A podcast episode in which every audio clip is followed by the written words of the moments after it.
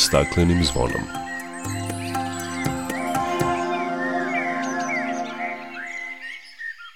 Dobar dan i dobrodošli na Zeleni talas prvog programa radija Radio Televizije Vojvodine. Ja sam Dragana Ratković. U ovonedeljnom izdanju emisije pod staklenim zvonom govorit ćemo o protestima protiv projekta Jadar i kompanije Rio Tinto, o tome koji faktori u zimskom periodu najviše utiču na smanjenje kvaliteta vazduha i koliko je on zagađen u Novom Sadu, o inicijativi mladih u borbi protiv klimatske krize koji su uz podršku WWF-a postavili prvi zajednički frižider u Beogradu. Nakon 40 godina Srbija dobija dva nova nacionalna parka, Stara planina i Kuča i Beljanice. Biće reči i o uspostavljanju mreže Natura 2000 kao i o međunarodnom zimskom popisu ptica vodenih staništa koji od 8. do 30. juna organizuje Društvo za zaštitu i proučavanje ptica Srbije. Toliko u najavi o svemu opširnije nakon pozdravne pesme. Dok priroda kraj nas plače za vladarskim svojim tronom. Tužno vele narikače pod staklenim smo zvonom. Znaj vazduha više nema sve manje je i ozona. Protiv sebe ide čovek i to često bez pardona uništenju živog sveta Kao da su ljudi skloni Čovek sam je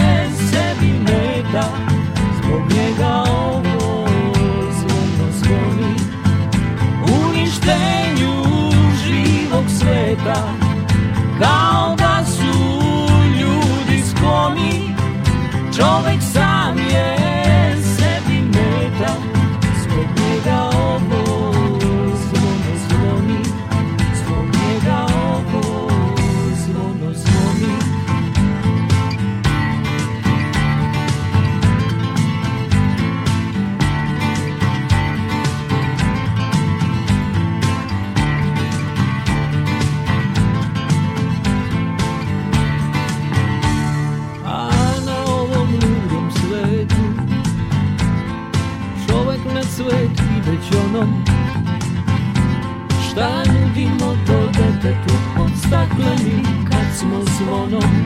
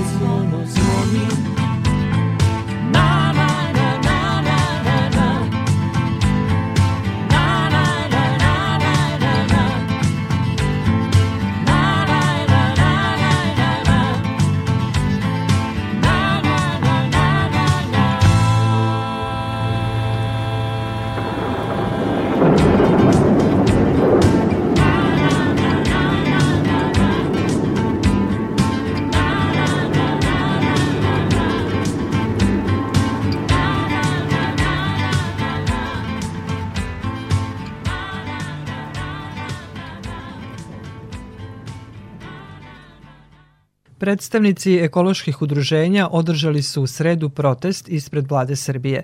Prema rečima predstavnice udruženja Ne damo Jadar, Marijane Petković, oni i dalje imaju dva osnovna zahteva koja su predali vladi.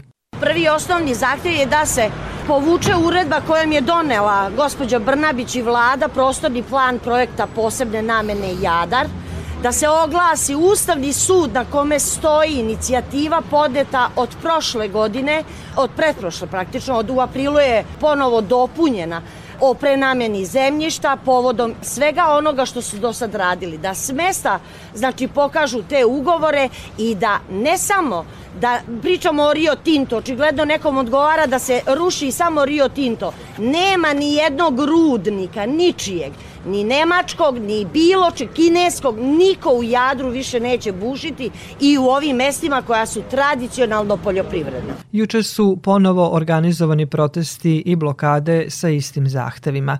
Pre toga je predsednik Aleksandar Vučić u intervju za RTS izjavio da veruje da je zaštita životne sredine važna tema kod nas u odnosu na pre 10 godina i da ne kritikuje one koji na proteste dolaze radi zdravije životne sredine. Ja ne kritikujem ljude koji su tu došli da protestuju i koji traže rešenje za čistiji vazduh, ali ti ljudi će da pozdrave to što gradimo kanalizacijonu mrežu, vodovodnu mrežu, to što gradimo prečistače otpadnih voda, to što preduzimamo akcije koje koštaju stotine miliona i milijarde evra. I svim tim ljudima verujem. Ljudi žive bolje i ljudi su počeli da primećuju ekološke probleme. Ljudima nije više glavno pitanje hoće li dobiti posao, već kvalitet života. Vučić kaže da je o eksploataciji litijuma i Rio Tintu više puta razgovarao sa premijerkom Anom Brnabić i dodao da je suština u tome da Srbija mora da donosi racionalne odluke i da politika nije uvek u podilaženju narodu, već mora da bude ozbiljna i odgovorna. On smatra da bi trebalo da bude urađen moratorijum, ali predpostavlja da će vlada da donese odluku da raskine ugovor sa Rio Tintom i da uskoro neće biti razloga za ekološke proteste. Dakle, oni koji protestuju neće imati razloga očigledno da protestuju, jer će vlada i što su tražili i što nisu tražili, kako ja vidim da se stvari odvijaju, to da prihvati. I vi mislite da meni treba da se nekome ulizujem i dodvoravam i da govorim da je to mnogo pametna odluka i da je to velika pobeda. U Loznicu smo uložili, doveli investitori Adient i Mint, oni kažu pa šta će nam investitori, ti koji se tu pojavljuju? Pa jedno od tih demonstranata kaže pa nama ne trebaju rudnici, Kažite to narodu. Ekološka udruženja najavila su nastavak protesta ukoliko ne budu ispunjeni njihovi zahtevi.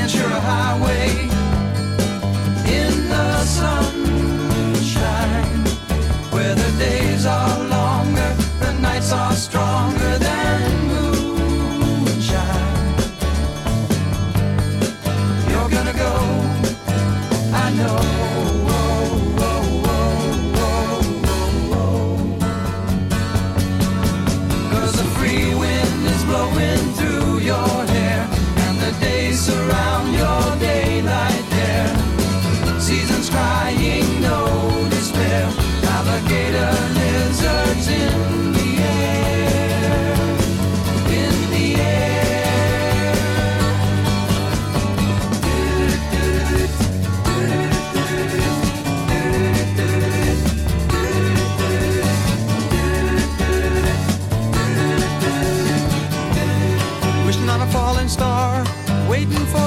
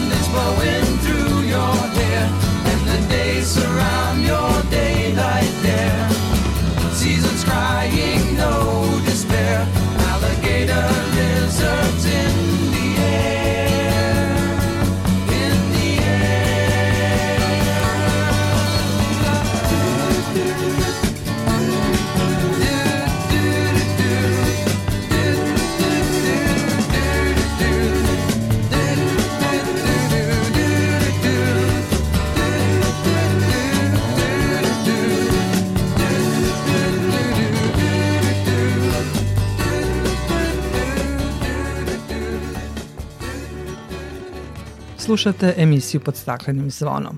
U Rumi je zatvorena gradska deponija. Taj prostor će biti saniran, a otpad će biti transportovan na regionalnu deponiju Srem Mačva. O tome Milena Sekulić. Gradska deponija u Rumi kod Vašarišta, koja se nalazi uz regionalni put M21, zatvorena je nakon 30 godina.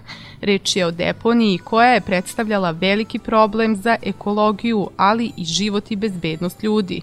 Na ovu temu govorili su građani Rume. To je treba raditi pre 50 godina.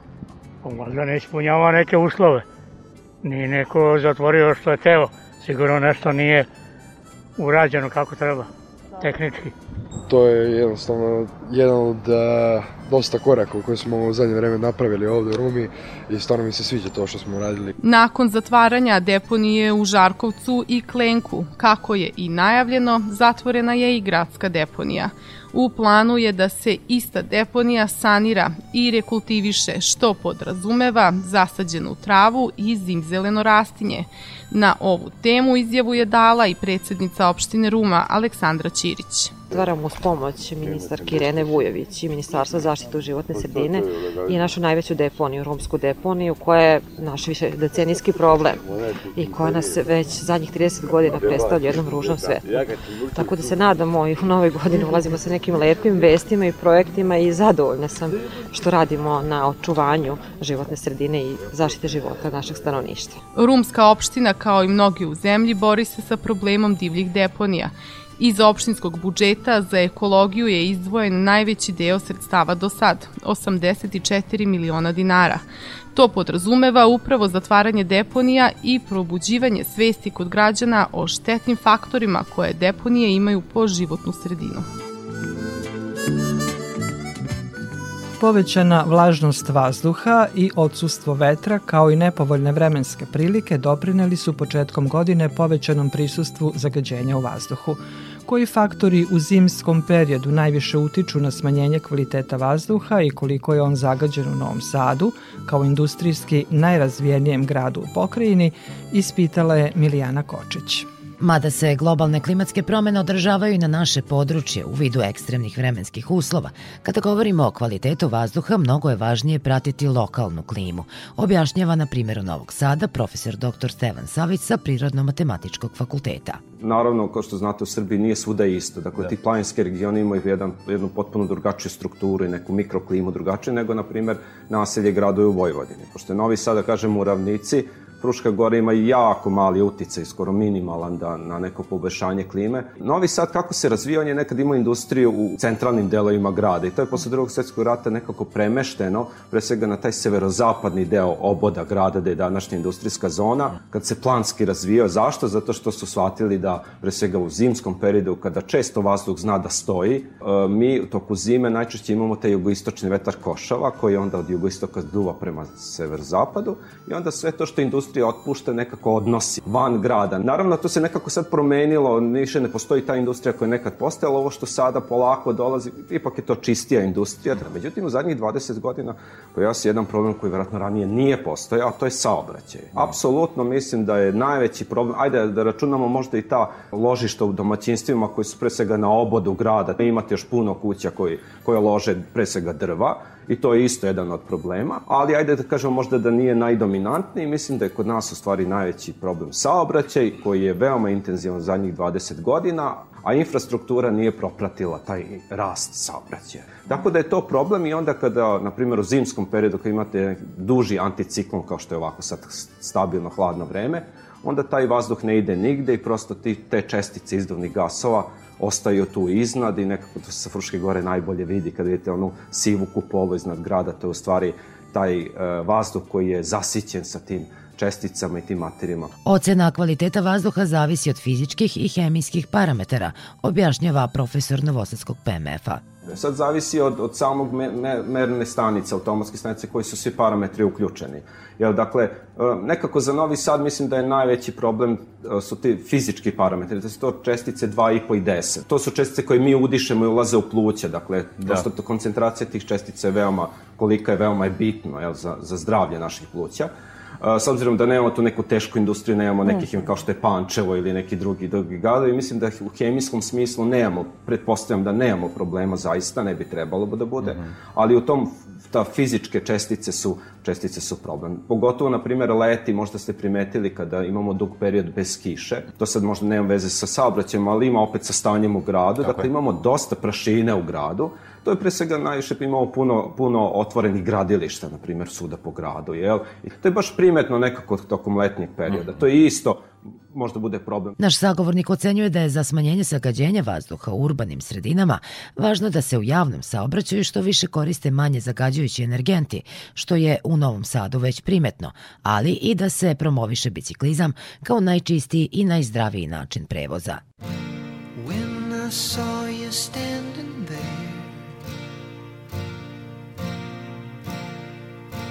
about fell out my chair. And when you moved your mouth to speak, I felt the blood go to my feet. Now it took time for me to know what you tried so not to show.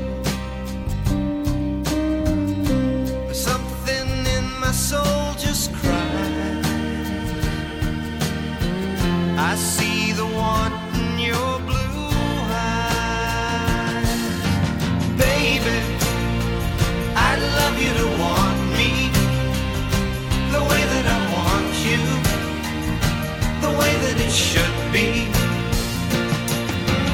Baby, you love me to want you the way that I want to.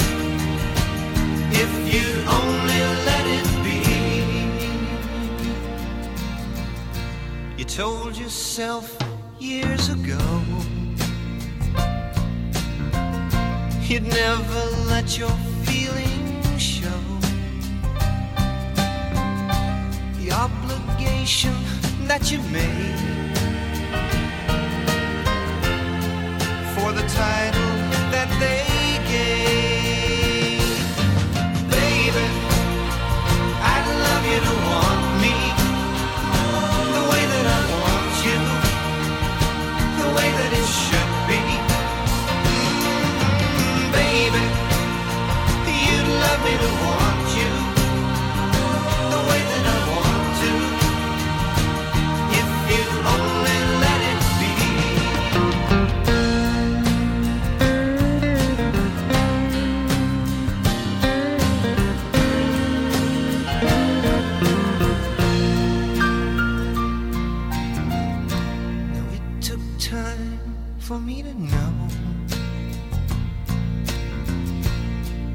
what you tried so not to show. Now something in my soul just cried. I see the want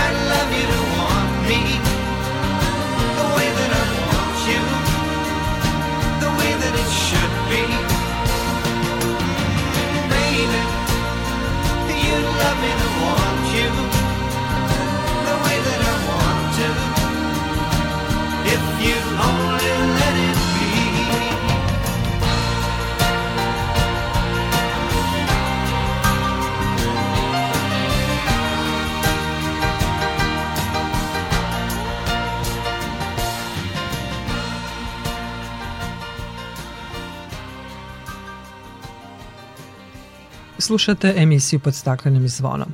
Evropska unija menja oznake rokova trajanja radi prevencije bacanja hrane. Naime, sledi promena sistema označavanja hrane u Evropskoj uniji, među njima i oznake rokova trajanja.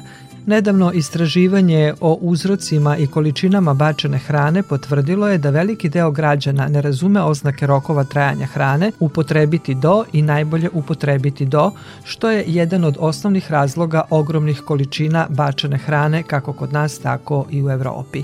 Izmene rokova trajanja deo su velike reforme sistema označavanja hrane u Evropskoj uniji koja proizlazi iz strategije od njive do trpeze. Sve države članice Unije do 2030. trebalo bi da prepolove količine bačene hrane. Dogod ima gladnih, a skladišta socijalnih samoposluga i narodnih kuhinja nisu puna, svaki kilogram bačene hrane je previše a od pre nekoliko dana u Beogradu ispred Beogradskog Dorčol placa stoji zajednički frižider čiji je cilj da se smanji bacanje hrane i pomogne onima kojima je to najpotrebnije. Prvi takav frižider u Srbiji postavile su Tamara Stojković i Emilija Bojić u okviru istoimene omladinske inicijative koju su pokrenule kroz projekat Svetske organizacije za zaštitu prirode WWF-a posvećen osnaživanju mladih u pronalaženju i sprovođenju rešenja za uzroke i posledice klimatske krize. Sam frižider je donirala organizacija 28. jun. Prema rečima ekološke aktivistkinje Tamare Stojković, ideja o zajedničkom frižideru potekla je zbog činjenice da svi oni koji gladuju na planeti mogu da se prehrane s jednom četvrtinom hrane koja se baci u Evropi i Americi. S druge strane, bit će smanjen otpad od hrane koji ima uticaj i na klimatske promene. Osim što se ta hrana bespotrebno baca, ona dosta utiče na klimatske promene, ako možda odmah ne povezujemo ta dva, zato što iskorišćava većinu prirodnih resursa kasnije stvari kvalitet zemljišta na koje se baca i ispušta gasove sa efektom staklene bašte, dok nam toliko ljudi umire od gladi. Tako da sam videla priliku u WWF-ovom konkursu na Mladima klima ostaje da sprovedem tu svoju ideju koju sam imala i ranije i koju je Emilija takođe unapredila i imala sa mnom. Žele smo da smanjimo taj otpad hrane, da pomognemo ljudima koji ne mogu da priušte hranu, a frižider je otvoren za sve te ljude, nema nikakvih restrikcija, ograničenja u smislu toga šta, koliko uzeti i ko može uzeti. Ideju zajednički frižider podržala je Svetska organizacija za prirodu WWF Adria kroz projekat Na mladima klima ostaje. Koordinatorka projekta Mina Mirić kaže da ono što tu ideju čini posebnom jeste da ne samo da smanjuje otpad od hrane, već ima i humanitarnu komponentu koja iskazuje želju da se pomogne onima kojima hrana često nije dostupna. Mladi su svojim idejama uspeli da malim, ali velikim zajedničkim frižiderom reše dva velika društvena problema. Upravo iz tog razloga smo i nazvali projekat, jel tako, na mladima klima ostaje, zbog nama svima dobro poznate fraze na mladima svet ostaje. I svakako smo saglasni sa tom temom, ali opet s druge strane šta mi kao društvo, kao odrasli radimo da im taj isti svet ostavimo bolje. I isto tako šta radimo da mlade već sada uključimo pitanja koje se tiču ne samo njihove budućnosti, ali naravno i njihove sadašnjosti. I upravo to jeste jedna idejna zamisla, ili tako, WWF kao svetske organizacije koja se bavi upravo ekološkim pitanjima i pitanjima zaštite životne sredine, da, da se što veći broj mladih ljudi aktivira i uključi u slične aktivnosti. Za sada to radimo kroz projekat na mladima klima ostaje i tako, tako što podržavamo idejne zamisli mladih i njihove omladinske inicijative. To trenutno radimo kroz temu klimatskih promena i planiramo u najskorijoj budućnosti da ih e, podstaknemo da se uključi i u druge teme i veoma smo, veoma smo srećni zbog toga. Ali za početak, ono što je stvarno važno jeste da nam je upravo inicijativa zajednički frižider idejna zamisla mladih e, Tamare i Emilije kao savršen primer tim nekim najmanjima, u stvari veoma velikim aktivnostima koje sa jedne strane i a, tiču se klimatskih promena, imaju tu ekološku komponentu, ali onda i tu humanitarnu stranu. U tu inicijativu uključila se humanitarna organizacija Banka hrane iz Beograda koja pomaže socijalno ugrožene građane svih kategorija čija je misija smanjenje siromaštva i gladi. Kako kaže Katarina Žigić-Blagojević, čim su ih Tamara i Emilija kontaktirale, odmah su prihvatili da se uključe posebno jer ovako nešto ne postoji u našoj zemlji. Ono što će banka hrane preuzeti na sebe je zapravo snabdevanje zajedničkog frižidera, pre svega voćem i povrćem, jer kroz našu sedmogodišnju saradnju sa određenim prodavnicama Voće i povrće dobijamo svakodnevno i preko 70 tona hrane na mesečnom nivou uspemo da spasemo. Samim tim frižider ćemo snabdevati znači, voćem i povrćem koje će biti od strane volontera nošeno do krajnjih korisnika, oni kojima je to najpotrebnije. Pored voća i povrća trudit ćemo se da i druge namirnice budu svakodnevno, ako, ako ništa drugo, ili makar na, na nedeljnom nivou u frižideru. Apelujemo na građane, takođe i na, i na druge kompanije donatore da se uključe u, ovu inicijativu koja je zaista prva u, u zemlji samim tim mislim da bi je bilo baš dobro podržati da se ovakva inicijativa prosto proširi na druge delove zemlje. Zajednički frižider će biti otvoren svakog dana od 11 do 19 časova na Dorčal placu i svi mogu da doniraju hranu koja je fabrički upakovana i hermetički zatvorena i u važećem roku trajanja. Mogu se ostaviti osnovne životne namirnice kao što su brašno, šećer, ulje, sveže voće i povrće i bezalkoholna pića. Oni kojima je pomoć potrebna mogu doći da uzmu šta im treba. Organizatorke inicijative i tim volontera koji su okupile brinuće se za održavanje frižidera koji je oslikao ulični umetnik Andrej Kolosov. Tamara i Emilija imaju i druge planove. Želimo da podižemo svest o ovom i sličnim problemima i podstičemo pozitivne primere, kaže Tamara Stojković. Planovi za budućnost jesu zapravo da radimo na javnom zagovaranju za unapređivanje zakona o donacijama hrane, jer trenutno e, nismo u stanju da primimo mnoge donacije upravo zbog ovih zakona, jer se smatra da, da će se time ugroziti bezbednost stanovništva, a ta hrana koja je zabranjeno donirati, jel te se ponovo baca, tako da opet upadamo u taj ciklus, želimo da radimo na tome. I takođe želimo da postavimo zajednički ormar uskoro koji će funkcionisati po istom principu kao i frižider gde će do, građani ostavljati donacije odeće, a oni kojima je to potrebno će moći da dođu da preuzmu.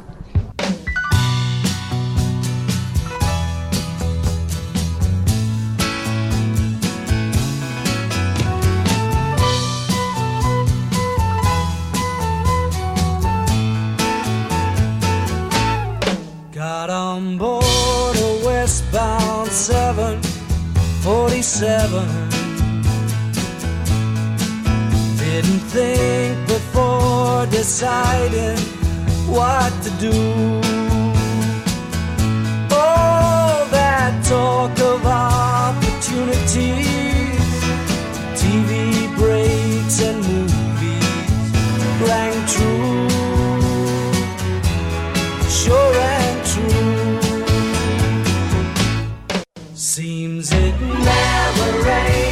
summer.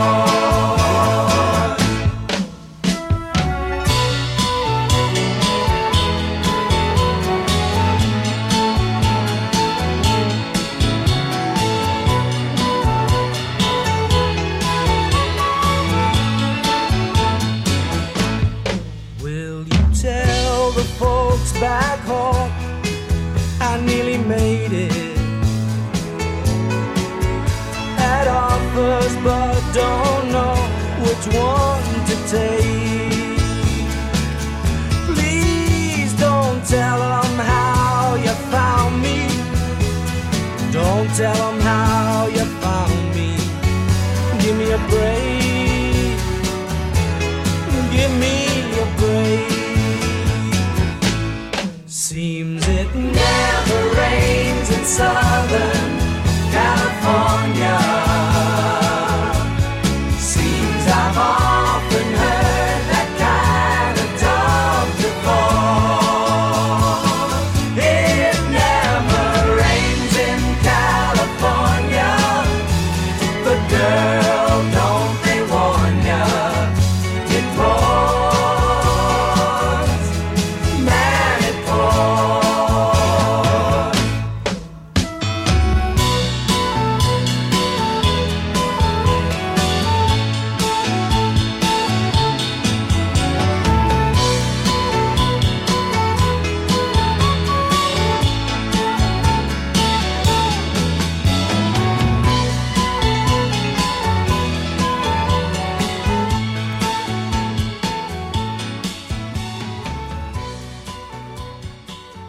Slušate emisiju pod staklenim zvonom. Stara planina i Kuča i Beljanice su dva nova nacionalna parka u Srbiji. To su prva dva nacionalna parka koje će biti proglašena u našoj zemlji nakon 40 godina, a taj status su zaslužili zbog velikog prirodnog bogatstva na svojim teritorijama, izjavila je ministarka zaštite životne sredine Irena Vujović. Studije za nove nacionalne parkove koje je izradio Zavod za zaštitu prirode postavljene su na internet stranici Ministarstva zaštite životne sredine, a od tog trenutka i zvanično je pokrenut postupak zaštite, odnosno već su na snazi svi režimi i mere zaštite koje studije sadrže. Prema rečima ministarke predviđeno je da se, kada postupak bude okončan, Nacionalni park Stara planina prostire na 116.000 hektara, a Nacionalni park Kuča i Beljanica na oko 45.000 hektara. Za nas je izuzetno važno da nastavimo da brinemo o prirodi i da sva prirodna dobra na najbolji način sačuvamo za buduće generacije. Zato smo i pokrenuli postupak i proglasit ćemo ta dva područja nacionalnim parkovima u kojima priroda uživa najveći stepen zaštite, rekla je Vujović.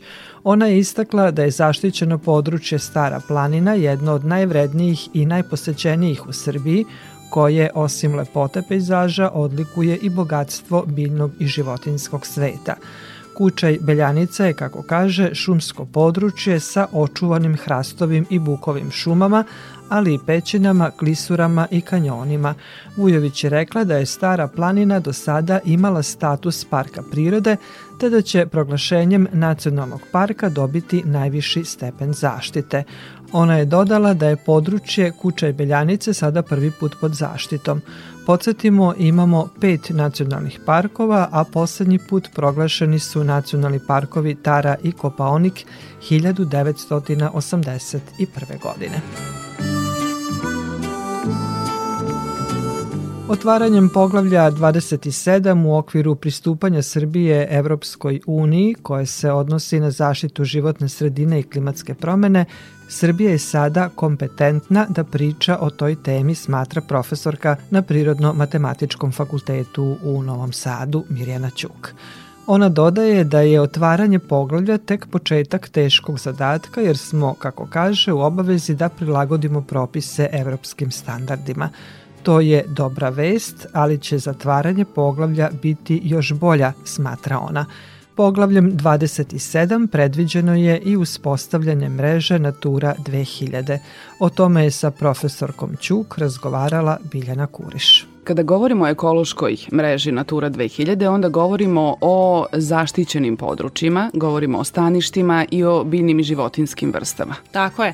Dakle, Natura 2000 je, dakle, je ideja o to, uopšte o ovoj mreži u Evropi se javila još jako dano, 92. godine, kada je prosto uočeno da biodiverzitet i kvalitet biodiverziteta u Evropi rapidno opada. Na taj način je došlo je do potrebe da se formira neka jedinstvena mreža u okviru čitave Evropske unije u svih 28 država koja će na neki način integralno štititi sva važna područja staništa, ali i staništa redkih i ugroženih biljnih i životinskih vrsta i vrsta ptica. Upravo ova staništa su zaštićena direktivama o staništima koja podrazumeva dve liste, dva dodatka, liste važnih i redkih staništa i liste ugroženih vrsta biljnih i životinskih, ali nju na neki način štiti direktiva o pticama koja podrazumeva i listu veoma važnih i ugroženih vrsta ptica. Dakle, to su zakonski akti donete na nivou Evropi još davno, 92. godine. Srbija je u prethodnom periodu prilagodila te pre svega liste prioritetnih staništa i vrsta svojim potrebama i na taj način unačenila prvi korak ka formiranju Natura 2000 mreže. Koliko je procenata kod nas u Srbiji mapirano? Kada je u pitanju generalno proces uh -huh. Natura 2000, da. mi smo morali od 2015. pa do nedavno smo, da kažem, formirali neke prioritete kada su u pitanju staništa, kada su u pitanju ovaj, staništa redkih i ugroženih vrsta i vrsta ptica i na taj način napravili, da kažem, nek, neki grubi predlog šta bi se moglo biti deo Natura 2000 mreže. Taj proces je završen i on podrazumeva 38 procenata naše države. Međutim, to je naravno preveliki procenat, obzirom da Natura 2000 podrazumeva u Evropi 18% čitavog kontinenta. Naravno i mi smo toga svesni, tako da sledi korak koji je takođe već u, u realizaciji, korak koji će podrazumevati mapiranje prioritetnih staništa na terenu, selekciju prioritetnih staništa i naravno taj procenat će biti dosta manji. Staništa koja su od prioriteta trenutno su pre svega zaštićena područja, to su e, staništa redkih i ugroženih vrsta biljaka, životinja, ptice na neki način e, su takođe veoma važne kao ovaj reprezenti va, važnih staništa za koje se vezuju, tako da u suštini mi smo integrisali sva važna staništa koja će na neki način biti polazna ovaj, osnova za definisanje Natura 2000 područja. Taj proces je započet. Proces samog mapiranja staništa, da. koji će biti integralni deo Natura 2000 mreže, je započet 2020. godine i na veliku žalost taj posao je dodeljen stranom konzorcijumu Epica iz Španije, ali neki domaći stručnjaci su integrisani u taj tim i oni ispomažu strane eksperte i na taj način realizuju ovaj veoma važan zadatak. Moram da izrazim žaljenje razloge da objasnim zašto izražavam žaljenje jer je zapravo bila jedna fantastična ideja da nacionalni konzorcijum vodi čitav ovaj posao, nekako je to da kažem nije zapažen adekvatno mm -hmm. napor koji smo uložili da se integrišemo i da svojim e, nacionalnim snagama realizujemo ovaj posao mislim da postoji neki rok od dve, tri godine da se uh mhm. -huh. u naredne dve, tri godine i završi, obzirom da moramo da privodimo kraju sve obaveze iz poglavlja 27. I evo za kraj pitanje, koliko zaista čovek može da utiče na kvalitet e, prirodnih resursa? Verujem da je to na neki način izvodljivo ovde. Ne, ne samo ovde, nego generalno u Evropi, ali moram da kažem da na neki način mi ipak kaskamo za Evropom kad su takve stvari u pitanju, ipak smo, da kažem, malo spori u ekološkom osvešćavanju, kako god to da nazovem. Priroda ima rešenje za, ja, priroda nam priprema i razno razne začkoljice, eto imamo i epidemije koje mogu da proisteknu iz prirode, ove, ovaj, tako da u suštini priroda ima rešenje za sebe, ali sad da li ćemo mi nju pratiti ili ćemo usmeravati, to je na nama. Moram da napomenem da nije samo negativan uticaj čoveka nešto što se dešava u prirodi. Jako puno napora se ulaže da se upravo neki ekosistemi i redka i ugrožena staništa očuvaju čuvaju i to, te napore ne ulaže niko drugi do sam čovek. Tako da u suštini naše dejstvo može da bude i tekako i pozitivno i treba da bude pozitivno i mislim da i, i tu imamo izuzetno veliki napredak kada je u pitanju upravljanje tim redkim e, staništima i redkim ekosistemima u, u prirodi. Zaista je zadovoljstvo što ste podelili sa nama ovako jednu optimističnu priču. Hvala. Rekla bih da jeste tako. Pred nama je veliki posao kada je ekologija u pitanju i zaštita životne sredine. Hvala i vama na pozivu. Rado pričamo o ovoj temi uvek. Prijetan dan. Hvala vam najlepše.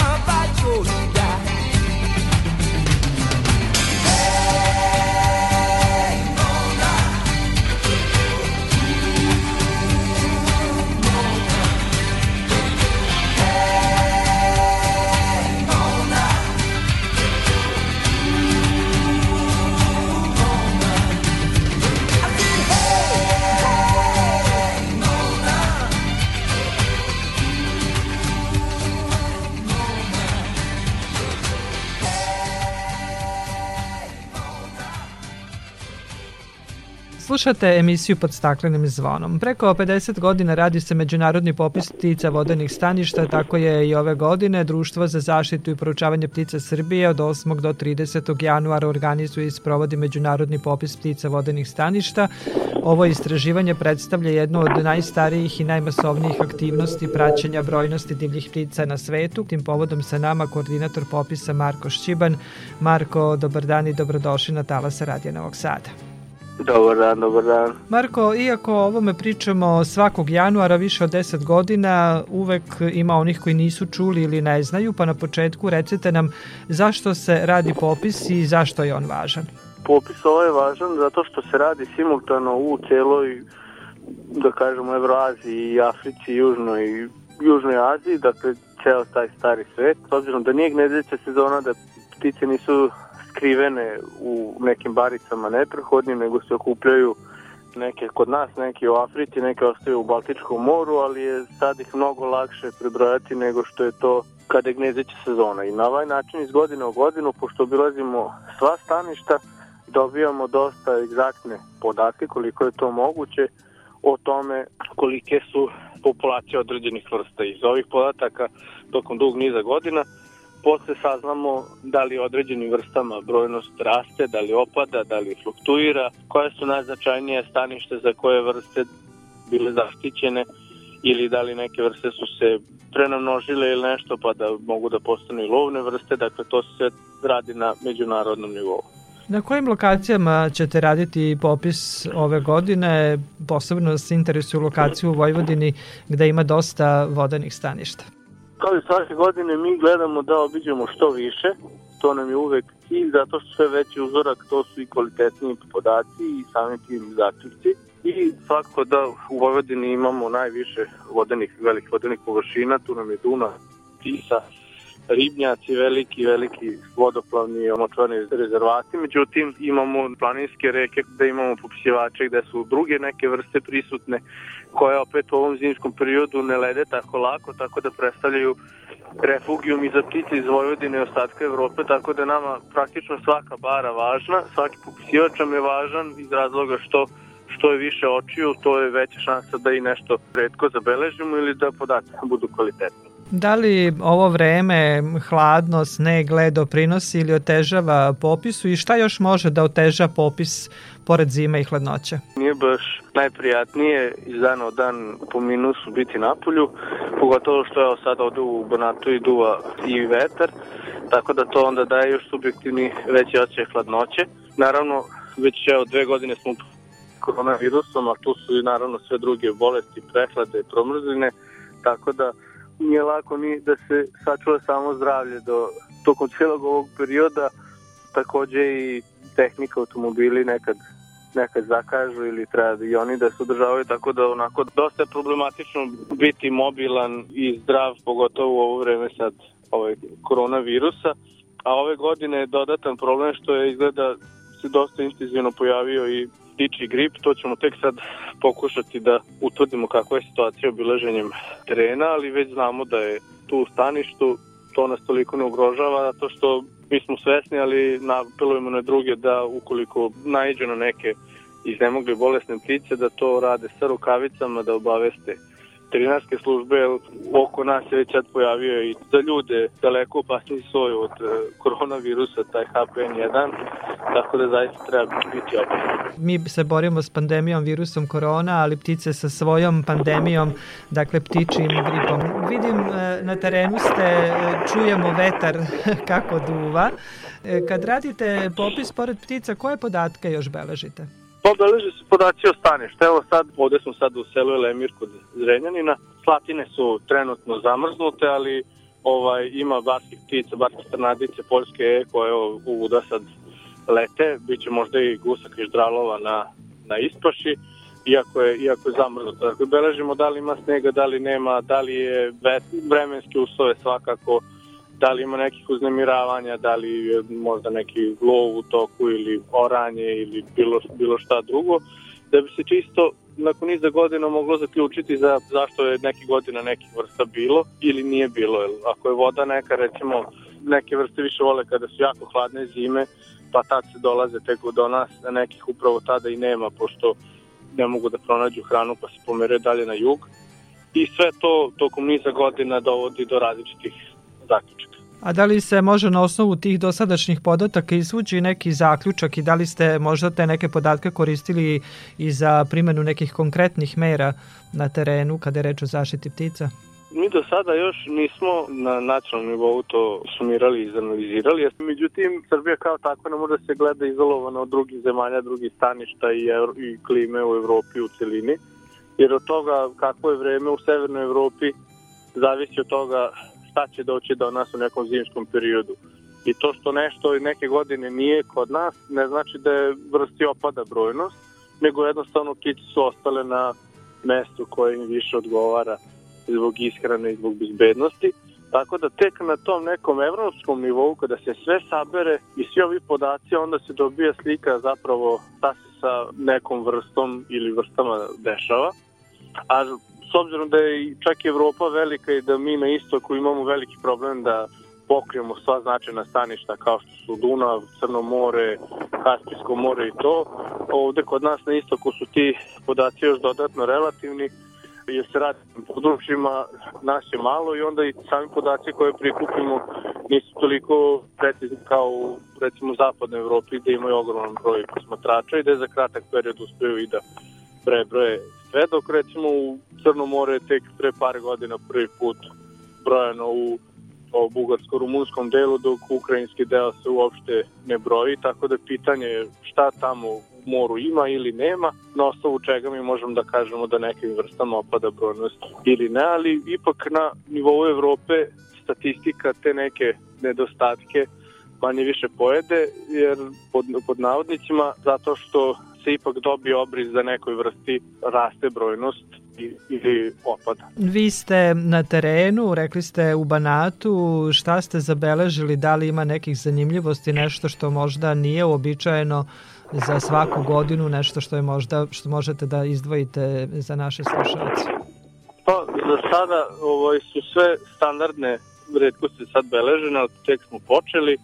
Zanimljivo je što je već jedan primjerak ražnja, odnosno ibisa, već zabeležen. Kod nas to je vrsta koja inače ide u Afriku i tek treći put je beležen u ovom zimskom periodu. To je onako dosta neobično pitanje da će jedinka preživeti, ali odlučila je da ostane, možda će se na kraju i pomeriti dalje do Crnog mora ili do Grčke. Tu su već, e, znamo u velikom broju guske, zdralovi su nam ponovo ostali, tu jedno jad u okolini Kanjiže ima i džograli gusaka, jedno veliko jato od oko 17 ptica, tu su već i turpani stigli, srednji ronci, dosta toga, ali kažem, tek smo počeli, tek očekujemo da će biti zanimljivih nalaza. Popis traje do kraja januara, posla je mnogo i dobro bi vam došla pomoć, pa ste pozvali sve oni koje voli prirodu da vam se pridruže u ovom poslu, bez obzira što možda ne znaju mnogo o pticama. Dakle, znanje o pticama nije uslov da se e, pridruže vama i učestvuju u zimskom popisu ptica vodenih staništa. Tako je, mi smo radili i dva elektronska priručnika, pozvali smo i i lovce, lovočuvare da nam se pridruže preko lovačke komore, zato što se ovi podaci koriste, ili tako, i za zbrojnost ovoj divljači, tako da smo, smo raspoloženi za društvo, društvo je toplije, posebno zimu da malo upoznaju prirodu u ovom zimskom periodu i upoznaju ptice vodenih staništa koje su ovde ostale kod nas. Prošle godine ste rekli da je do sada zabeleženo negde oko 356.000 ptica vodenih staništa kod nas. Da li će se ove brojke menjati? Kakva su vaše predviđanja? Tek smo počeli, ali da će biti zanimljivih stvari, bit će. Marko, hvala lepo za razgovor. Evo prilike da pozovemo dakle svi oni koji zaista vole da borave u prirodi tokom zime i da upoznaju ptiči svet mogu da vam se pridruže i da zajedno sa vama rade zimski popis ptica vodenih staništa, a mi ćemo konačne rezultate znati negde sredinom februara pa ćemo se tada i čuti. Marko, nadam se da ćete imati uspešan popis ove godine. Hvala vama, čujemo se prijetno.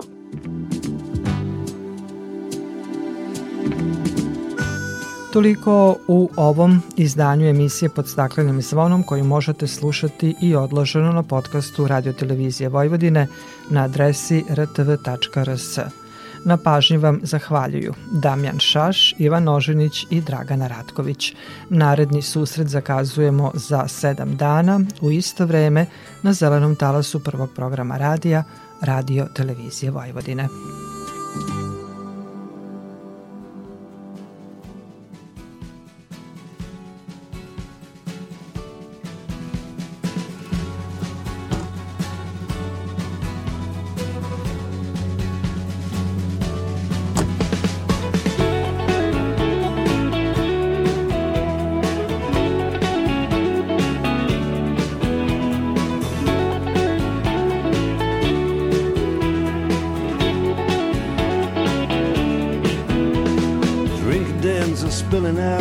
staggering in the square. There's lads' glasses falling about and a crackling in the air. Down around the dungeon doors, the shutters and the queues. Everybody's looking for somebody's arms to fall into. That's what it is. That's what it is now. Here's frost on the graves and the monuments, but the taverns are warm in town. People curse the government and shovel hard food down. Lights are out in City Hall, the castle and the keep. Moon shines down upon it all, the legless and the sleepless. cold on the toll gate with the wagons creeping through. Cold on the toll gate, God knows what I can do. That's what it is. That's what it is now. The garrison sleeps in the citadel with the ghosts and the ancient stones. High on the parapet, a Scottish piper stands alone. And high on the wind, the Highland begin to roll. And something from the past just comes and stares into my soul. Cold on a toll gate with a Caledonian moon. Cold on a toll gate, God knows what I